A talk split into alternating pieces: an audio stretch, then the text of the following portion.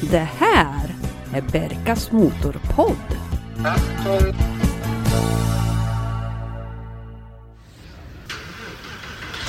Hej! Välkomna till avsnitt nummer 18 av Berkas Motorpodd. Och jag som pratar kallas för Berka. Jag befinner mig på en bilprovningsstation med min 911 som ska besiktas. Och jag fick precis reda på att jag bara har kört 150 mil sedan förra årets besök här. Men våren närmar sig och det är dags att plocka fram pärlan ur garaget och ta den här efterlängtade premiärturen. Och med det så lämnar jag över till mig själv i den mera tystare poddstudion. Tack för den rapporten. Och jag kan berätta att bilen gick igenom helt utan anmärkning. Kom ihåg att podden finns på sociala medier och så har vi en egen hemsida. www.berkasmotorpodd.se och där kan du se bilder på bilarna och även lyssna ikapp på tidigare avsnitt. Vill du komma i kontakt med mig så finns jag också på e-mail. berkasmotorpodd gmail.com Nu åker vi! Och idag har jag faktiskt en gäst med här i Motorpodden och det är min goda vän Camilla ifrån Göteborg. Välkommen! Tack så mycket Jörgen, väldigt trevligt att vara här. Vi har ju haft ett gemensamt intresse Det har vi. och vi har ju till och med haft två likadana bilar. Precis. Vad var det här för bilar som vi hade? Vi hade varsin eh, 968 Klubbsport ifrån eh, 1995. Och jag hade min, jag tror min var en 93 men det skilde nog inte så mycket. Nej, jag tror att det var ungefär samma bilar. De tillverkades mellan 95, eller förlåt, 93 till 95. Och att det stod klubbsport på, på emblemet på bakluckan och Mm. även vissa bilar hade ju någon sån här tejpdekor på sidorna. Stämmer bra. Eh, Klubbsport var ju en modell som var ämnad för att köras på bana. En, eh, en tävlingsbil egentligen fast lite för lite enklare klubbtävlingar. Så att den ligger steget under RS-modellen men fortfarande då anpassad och lättad med ett sportchassi. Och det här var ju en bil då som hade motorn på Ja, på fel ställe. fel ställe. Den låg fram i bilen. Precis. Katastrof. En frontmotor Ja. Porsche. Precis. Hade du någon, fick du någon kommentar eller har du hört någonting? Jag fick väldigt ofta kommentarer och de man fick mest kommentarer om egentligen var väl de som inte hade koll på Porsche. För att hade man lite koll så visste man att det, det där var ändå en väldigt kul bil och den var lite, den avvek ifrån de eh, vanliga andra modellerna som hade frontmotor. Men visst kom det kommentarer. Den ska ligga bak på en Porsche. Så var det. Egentligen skulle den nya modellen ifrån Zuffenhausen har hetat 944 S3. Men eftersom så många ändringar hade gjorts från S2 så beslutade sig Porsche att den nya frontmotorbilen skulle få namnet 968. Med den nya uppdaterade fyrcylindriga motorn på hela 3 liter fick bilen 240 rappa hästar. Lägg nu på minnet att vi pratar 1992 och en vanlig Volvo 940 hade då 116 hästar och den nya 850 GLT 170. Jag tänker inte fördjupa mig så mycket i den vanliga 968 utan prata om den mera sällsynta klubbsportversionen. Med sin fina balans tack vare den så kallade transaxeln där man hade placerat växellådan bak lämpade sig modellen för barnracing och Porsche erbjöd därför sina kunder att kunna köpa en lättare och snabbare bil. Med hjälp av lättare skalstolar, mindre ljudisolering och kraftigare bromsar så sparar man in 100 kilo i vikt och det blev en favorit på så kallade track days, steget under att köra riktiga racertävlingar. Växellådan var en tät stegad sexväxlad enhet. Efter mitt missöde med min 996 Turbo på Gotland Ring hade jag bestämt mig för att sluta köra på bana med den. Min första plan var att köpa en 944 för att bygga om till banbil. Jag letade bilar i 50 000 kronors klassen för att försöka hålla ner kostnaderna. En 944S dök upp och jag ringde till firman som hade den. Jo den var i gott skick enligt säljaren. Så vi förhandlade lite om priset och jag reserverade bilen. Men jag ville ändå kolla upp den lite så att jag ringde till förre ägaren. Och det visade sig att den hade en förmåga att lägga av under körning. Elektroniken blinkade med alla lampor och efter 15 minuter ungefär så startade den igen. Så kunde jag ju inte ha det. Så jag ringde tillbaks till firman igen och förklarade att jag inte ville ha bilen. Tillbaks till ruta 1. Efter någon ytterligare vecka så sökte jag på en bilsida där jag sällan är och besöker. Och där fanns det en svart 944 S2 från 1990. Helläder och AC. Bilen kostade 80 000 men hade varit i bilfirmans ägo i nästan ett år. Jag ringde och ja, visst ville de sälja den. Säljaren hade inte mandat att förhandla priset så mycket så jag bad honom återkomma med ett förslag på en kontantaffär utan inbyte. Tio minuter före stängning så ringde han och presenterade att de kunde dra av 15 000 på de 80 begärda. 65 alltså. Jag chansade och sa Du, jag skulle behöva dra av ytterligare 15. Det blev tyst. Äh, jag måste få återkomma, stammade säljaren. Till saken hör att bilen stod i Hässleholm. Så någon spontan åktur bara för att kika på bilen var inte möjlig. Det förstod säljaren. Jag hör nog inte någonting förrän imorgon, tänkte jag eftersom klockan hade blivit kvart över sex på kvällen. Men så ringde det igen och det var ett samtal ifrån Skåne och mitt bud på 50 000 hade accepterats. Veckan efter så lånade jag pappas Range Rover och så drog jag ner med min polare Jonas för att traila hem den.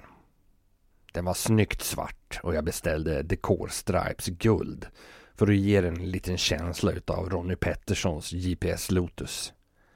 Den behövde en stor service och min stamverkstad i stan bytte kamrem, oljor och filter med mera. Jag satte även dit tuffare bromsbelägg inför barnkörningarna. Allt var klart. Då kom jag på att om jag skulle sälja turbon så skulle jag ha råd att köpa en 968 Klubbsport och en 996 C4S. Min polare Jocke i Stockholm hade en svart klubbsport och den gick väldigt bra på banan. Och jag ville inte bli frånåkt med mina 211 hästar i S2. Som ni kunde höra i 911 avsnittet så gjorde jag just det bytet och sålde även 944 med en liten pluspeng. Jag började leta 968 Klubbsport. Tre bilar fanns ute till salu och alla var i den gula färgen Speedgelb och två fanns i södra delen av landet. Jonas och jag drog iväg på en klubbsport kollarvända. Första anhalt var västkusten. En gul 94 eller om det var 93, jag minns inte. Men den var i alla fall preppad i maskinen och lämnar nu 272 hästar enligt en mätning på rullande landsväg. Den hade ett lättat svänghjul och diffbroms skalstolar och var i ett hyfsat gott skick. Den kostade 160 000 och det verkade svårprutat. Nästa bil fanns utanför Höganäs. Jag kommer inte heller ihåg årsmodellen, men det var en väldigt sliten bil utan diffbroms. Skalstolar och halvbur fanns, men en irriterande varningslampa lyste hela tiden. 140 000 kostade den, men jag tackar nej trots att jag skulle få den för 120. Vi övernattade hos kompisar utanför Ängelholm och på kvällen så ringde jag till västkustbilen och försökte förhandla. Där var det trögt, in till omöjligt. Men vi landade på 157 000 och då skulle ägaren behålla sina OZ Allegritta-fälgar och sätta dit original Cup 2-hjulen. Så vi åkte upp tillbaks till västkusten dagen efter men där uppstod en väldigt tråkig situation. Säljaren hade ställt av bilen efter min provkörning för att slippa skatten. Men det här var ingenting som vi hade kommit överens om. Och jag sa att bilen måste ställas på igen innan jag köper den. För annars så kan jag inte köra med den hem. 2013 så fanns det ingen app eller bank-id som man kunde fixa det här med. Så jag hade med mig min laptop och kopplade upp mig via min mobil och bilen ställdes på igen. Då ställer han sig och byter batteri i bilen till ett helt annat.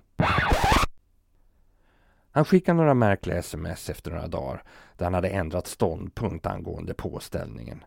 Jag upprepade än en gång att vi inte hade kommit överens om att bilen skulle ställas av och därför hade det varit omöjligt för mig att köra hem bilen de 45 milen. Jag hade inte kunnat köpt bilen. Och på den här tiden så var det inte direkt någon kö efter att få köpa en 968 klubbsport. Och det som sved var väl att han åkte på den här skatten då. Och nu kommer ett bilköpartips. Var alltid tydlig med hur ni ska göra med på och avställningar och skatten. Premiärracet det var på Gotland Ring och jag hade hållit inköpet hemligt för att överraska gänget. Så vid incheckningen till färjan i Nynäshamn så dundrade jag in med min gula CS. Och kompisen Jocke, som stod i en annan körbana, ringde och vrålade Ditt svin! Det var, det var, inte så många deltagare på banan den helgen, så vi fick två dagar med många mil i ryggen. En stint gick så bra att jag helt tappade tiden. Mot slutet kände jag hur jag började tappa koncentrationen och missa lite grann i inbromsningar och spårval. När jag kollade på klockan så hade jag kört över en timme och en kvart utan paus eller vätska. Ja, jag vet, det är inte Le Mans, men ändå. Det blev bandagar på Gelleråsen, Mantorp och Ruskogen. Men höjdpunkten var påsken 2014 då vi åkte ner ett gäng med Porsche till Nürburgring i Tyskland. Den här mytomspunna racerbanan som med sina 73 kurvor och drygt två mil långa nordslinga verkligen kräver allt från dig som förare. Många har åkt dit med hög svansföring och tron att det bara är gasa på. Men fått tag i flyget eller hyrbil hem efter att ha satt bilen i räcket. Det här är en bana som kräver respekt och ödmjukhet. Har du varit på några andra resor med den här 968? Det har jag absolut varit. Jag har varit runt omkring i Sverige då givetvis på olika motorbanor. Från eh, Knutstorp nere i södra Sverige till eh, ja, Gelleråsen är nog faktiskt den som är högst upp. För jag var aldrig med på Mittsverigebanan som ligger uppe i Norrland. Men förutom det så har jag varit på kanske världens mest magiska plats, vilket är Nybyring. Ah. En fantastiskt fin liten by och en magisk bana. Den tror jag väl alla som har någon droppe bensin i blodet har hört talas om. Jag hoppas det. Beskriv första gången när du kommer ner till, till Nybyring. Första gången jag kom ner till Nybyring, för det första var det ju med Porsche Club Sverige när jag var nere första gången. Vilket var en helt magisk upplevelse. Vi hade då hyrt hela banan, hela anläggningen hade vi. Stod och köade så tidigt på morgonen så att det hade inte ljusnat ännu för att komma in till banan. Så att hela den här lilla, lilla byn var helt överfull av eh, Porschar ifrån Sverige.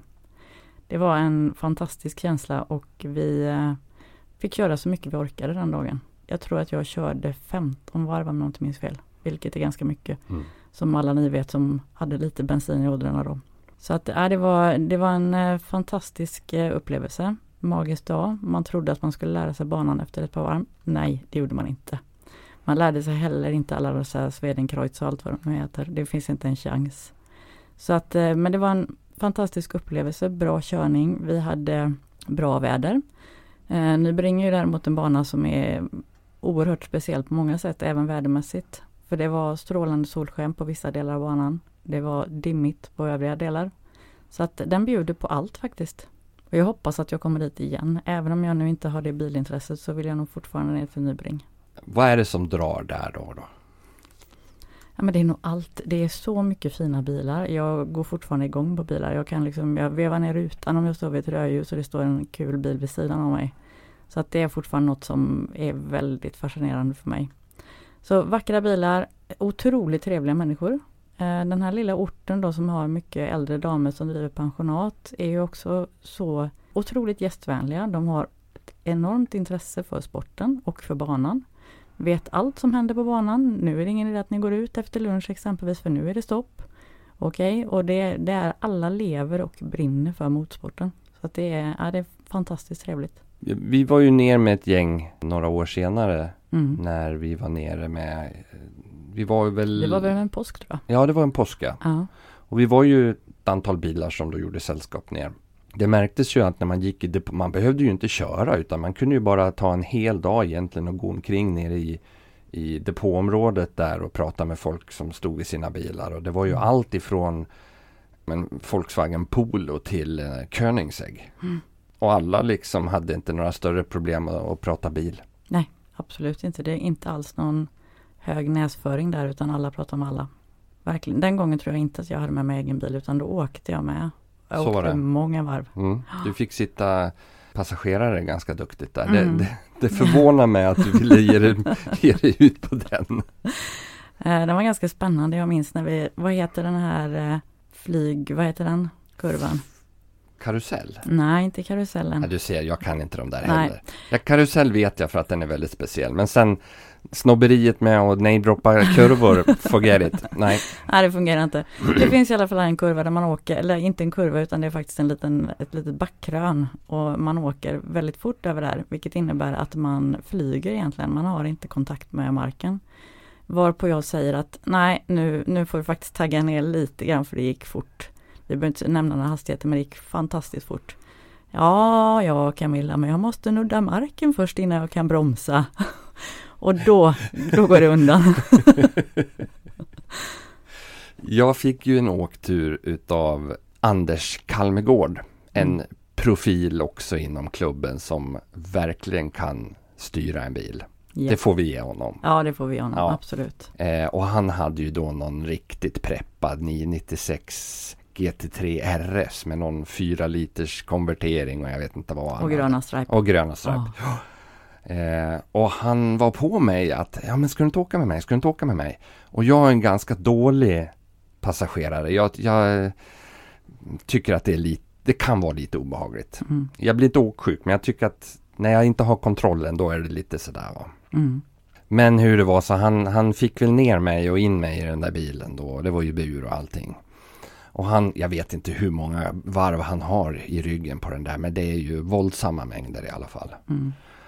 Och eh, då hade jag en klocka med stoppur. Så jag tänkte nu ska jag i alla fall ta tid på det här varvet. Mm.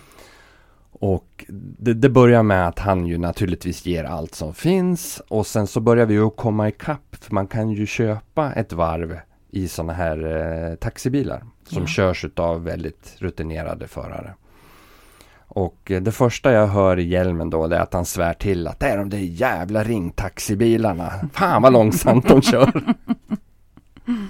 Förbi dem då, då och, det måste ha varit på samma ställe. Han laddar ju fullt då. Och han förvarnar mig så, så här, håll i dig nu för nu flyger vi, han. Och vi flög. Och det flög, Ja, precis som jag gjorde. Ja. Men det var inte samma förare då. Nej. Det, var, det var tre stycken riktiga ringrävar vi hade med oss eh, ner på ja, turen. ja. Och eh, när vi då kommer ut på start och målrakan där man klockar av så att säga. Och då hade vi ju haft en hel del trafik som man var tvungen att ta det lite försiktigt med. Mm. Och klockan stannar på 8 minuter och 3 sekunder. Mm. Det är fort. Det är fort. Ja, och den, när vi var nere över påsk, då är, påsken är ju en väldigt stor helg nere på Nybyring. Det var ju galet. Det var galet mycket bilar, det var grillning runt, i, det var nästan publik runt hela banan. Mm. Vilket är oftast är bara på några få platser, men då var det överallt. Jag kommer ihåg att på den här tankstationen så tog 98 oktanen slut. Ja. Jag hade inte några ambitioner att sätta några snabba varvtider.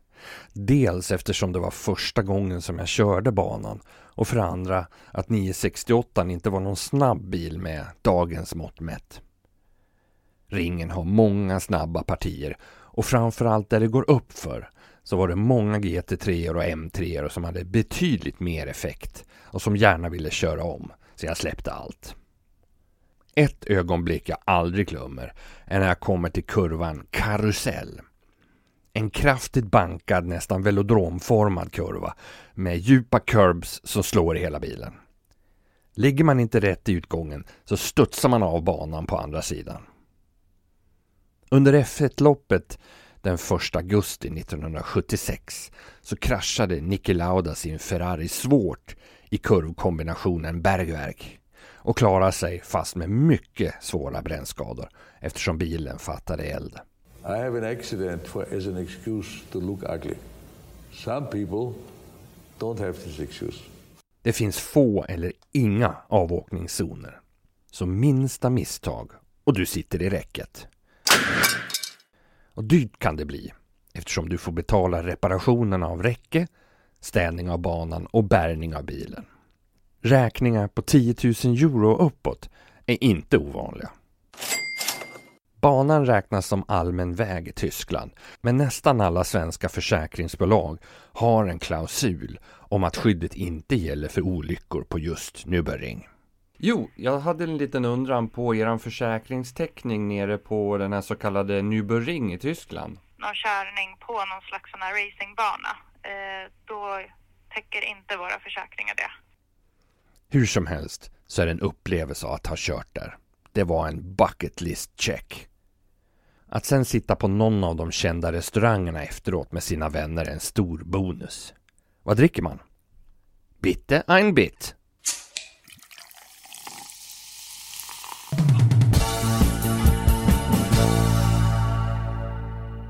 Att kliva in i CSN var en stor affär på grund av skalstolarna. Man fick backa in i bilen och lyfta in benen men väl på plats så satt jag som ett skruvs en sportig treekrad ratt och tydliga instrument. Känslan i växelspaken var bra distinkt och eftersom bilen hade lättat svänghjul så var den lite kinkig på låga varv. Man fick tjuvstopp om man inte hade lite varv på den men eh, gasresponsen var otrolig. Den var väldigt varvvillig och med de 2,55 breda bakdäcken och diffbromsen så fick man ner kraften i backen.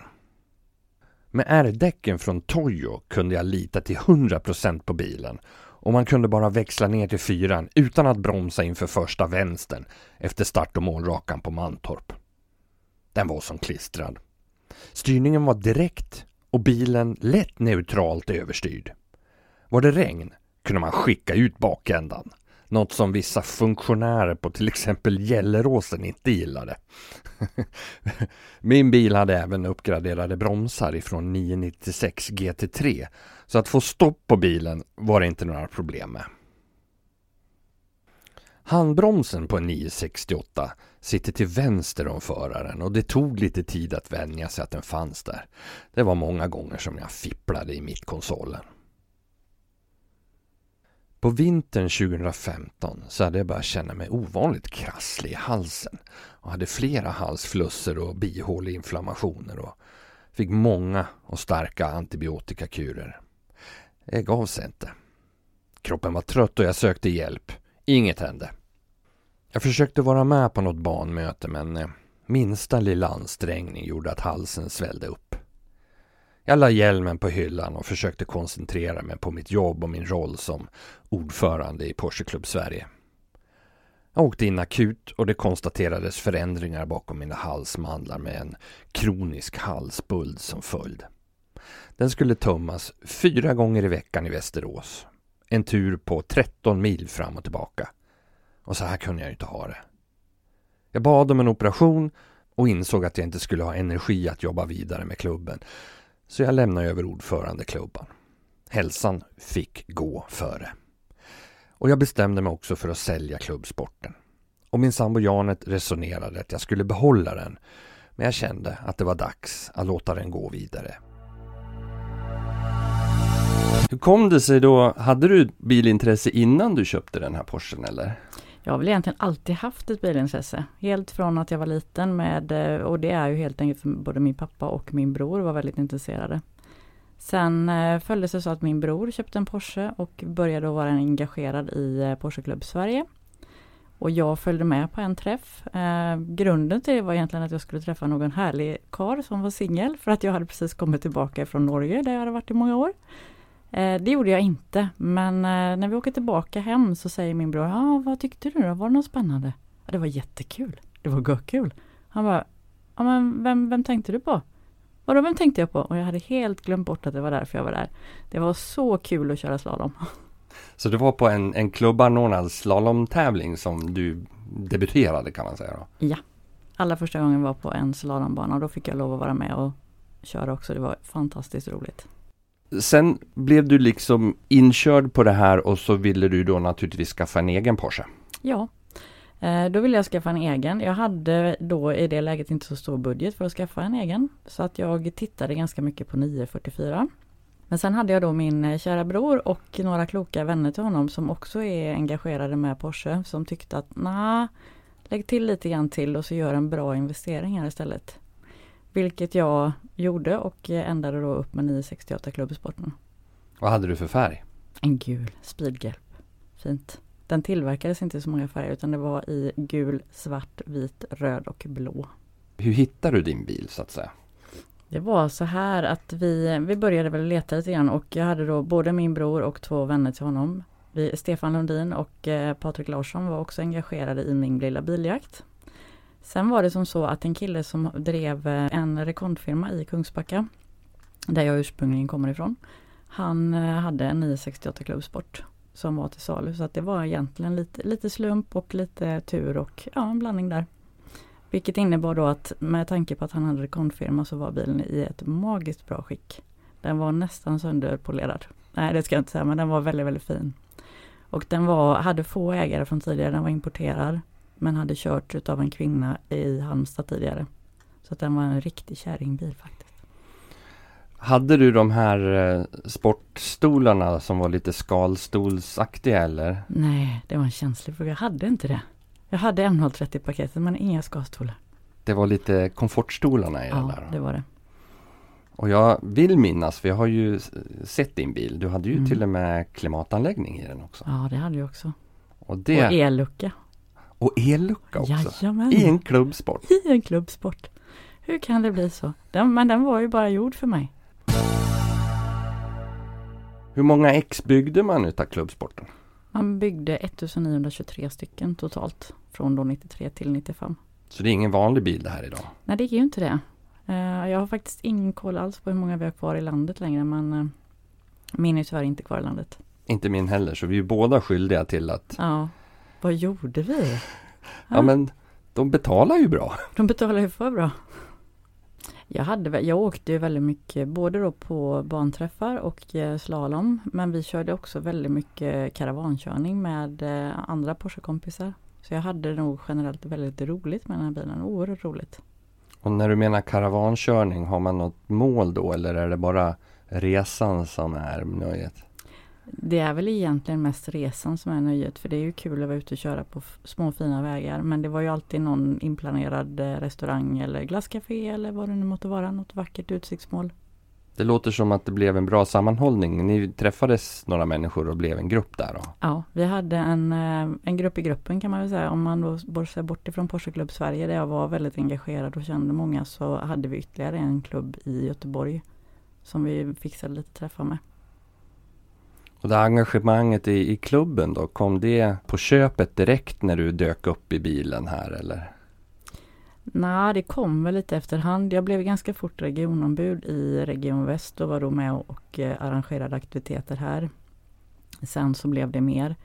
Jag har väl oavsett vad jag gör i livet så har jag en viss förmåga att göra det fullt ut. Så att All In Kamilski är eh, väl mitt smeknamn från väldigt många. Så att så, så jobbar jag och jag kan inte göra någonting lite grann utan då gör jag det hela vägen. Så det var all in, köpa Porsche, bli engagerad i klubben, eh, vara med och anordna träffar. Ja, Och under vilken tid, hur, hur lång tid var du engagerad i klubben då? eh, tio års tid. Och det kan vi ju säga, vi har ju varit båda engagerade i styrelsen. Vi har ju suttit i styrelsen båda två för Porsche Club Sverige. Ja. Du hade ju en roll i klubben som ju är bland det tyngsta man kan ha. Det är ju att vara Sekreterare. sekreterare. Det var mycket telefoner, det var mycket skrivande och ja, så var det. Men det var en kul tid, absolut. Mm. Men det var mycket jobb också. Mm.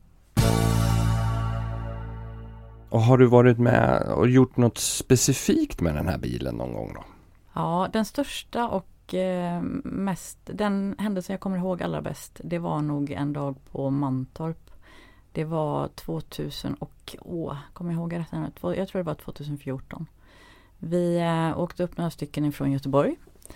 Eh, och var med på en, eh, ett event som arrangerades av en eh, kille från Stockholm. Som var för min stora dag. En fantastiskt fin organisation.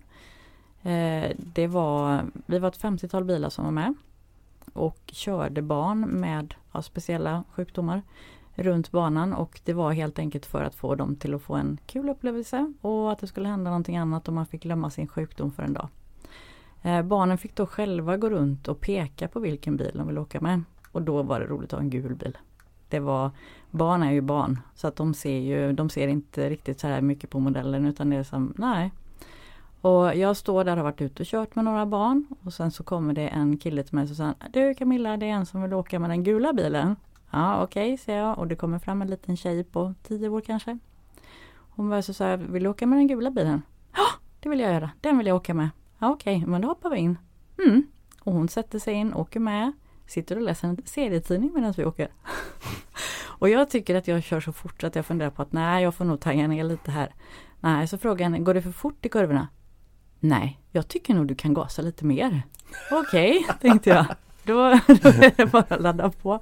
Så jag höjer tempot lite grann och vi åker runt och hon sitter där och läser sin tidning och är helt fridfull, inga problem alls. Och vi kommer fram och hon kliver ur bilen och ja, hon är nöjd och belåten och tyckte att det var jättebra. Den gula bilen var fantastisk. Den var väldigt bra. Sen lite senare på kvällen så är det en eh, kompis till mig som skickar ett klipp där de då har gjort ett reportage ifrån dagen. Och då eh, pratar de med den här lilla tjejen. Och då visar det sig att precis innan hon har åkt med mig, då har hon varit ute och körningsvägg. Men det satte sig inte så mycket på henne utan den gula bilen, den var bra. Fantastiskt, så det var, det var en härlig dag. Det var en magisk upplevelse som jag gärna hade gjort igen. Och för ett väldigt behjärtansvärt. Mycket. Ja. Min stora dag har alltid stått mig nära hjärtat och efter den dagen ännu närmare. Såklart. Mm. Men eh, hur ser du nu då? Är det över nu med det här med, med sportbilar eller?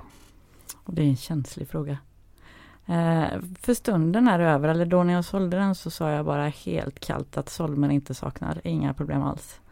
Eh, sen har jag ju ett bilintresse som jag sa då att jag vid ett rödljus eller oavsett vad det är så åker bilrutan ner för att jag älskar ljuden och gillar såklart bilar. Jag tror att har man gjort det en gång så gör man alltid det.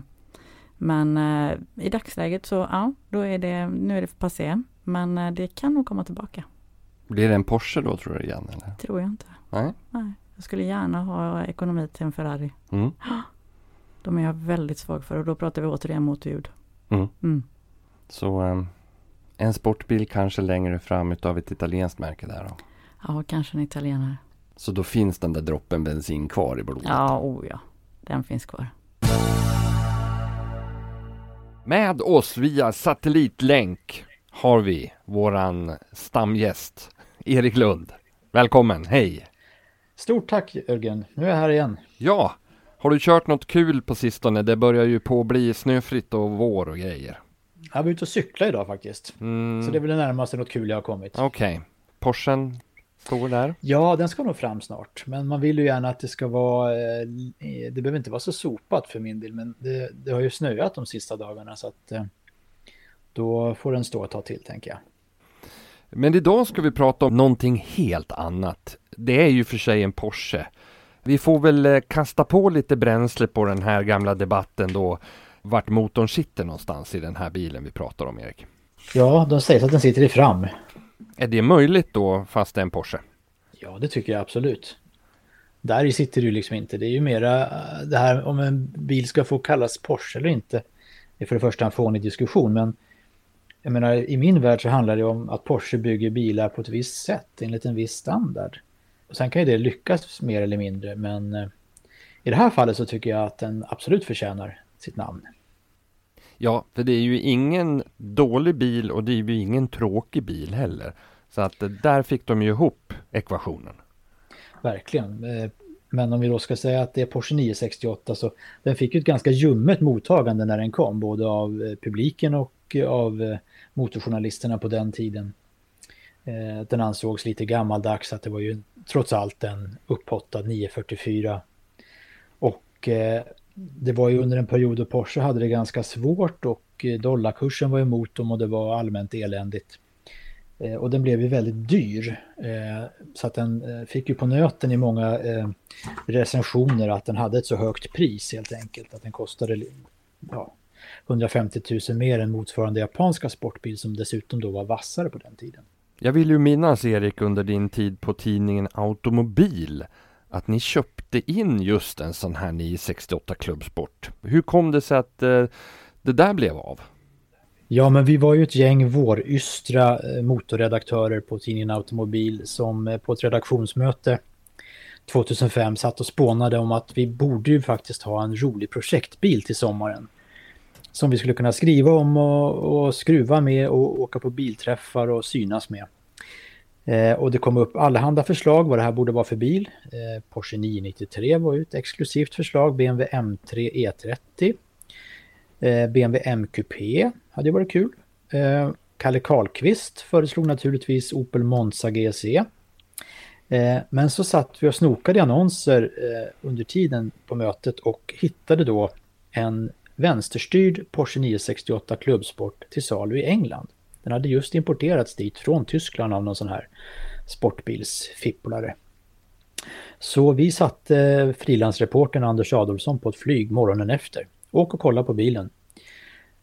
Det gjorde han. Han ringde hem och sa att den kanske inte var så fin trots allt. Men det tyckte inte vi spelade någon roll för den skulle ju vara ett projekt som skulle kunna så att säga, genomgå förbättringar och tas om hand.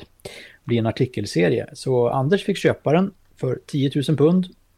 Tog eh, tunneln under kanalen och körde hem bilen till oss mycket förväntansfulla kollegor. Var det här en bil som, som var klar eller var det någonting som ni ändrade på och uppdaterade?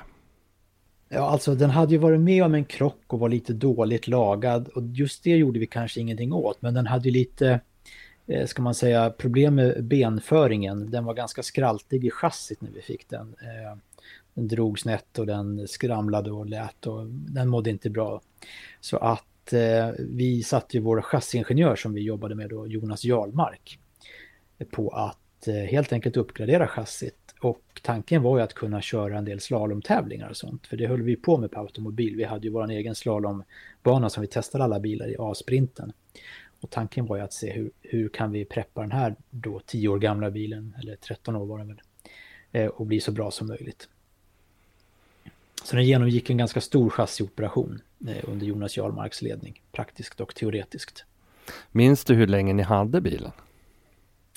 Ja, meningen var att den skulle vara kvar en sommar eh, och sen säljas vidare. För sådana här projektbilar kan ju läsarna tröttna på. Men grejen var, dels så tyckte läsarna uppenbarligen att den var ganska rolig att, att läsa om. Dessutom var den alldeles för bra för att säljas iväg. Därför att vi åkte på ganska mycket bilträffar och sportbilsevenemang runt Sverige och så hade lite folk som var inblandade i verksamheten som gärna körde runt på sådana tillställningar över somrarna.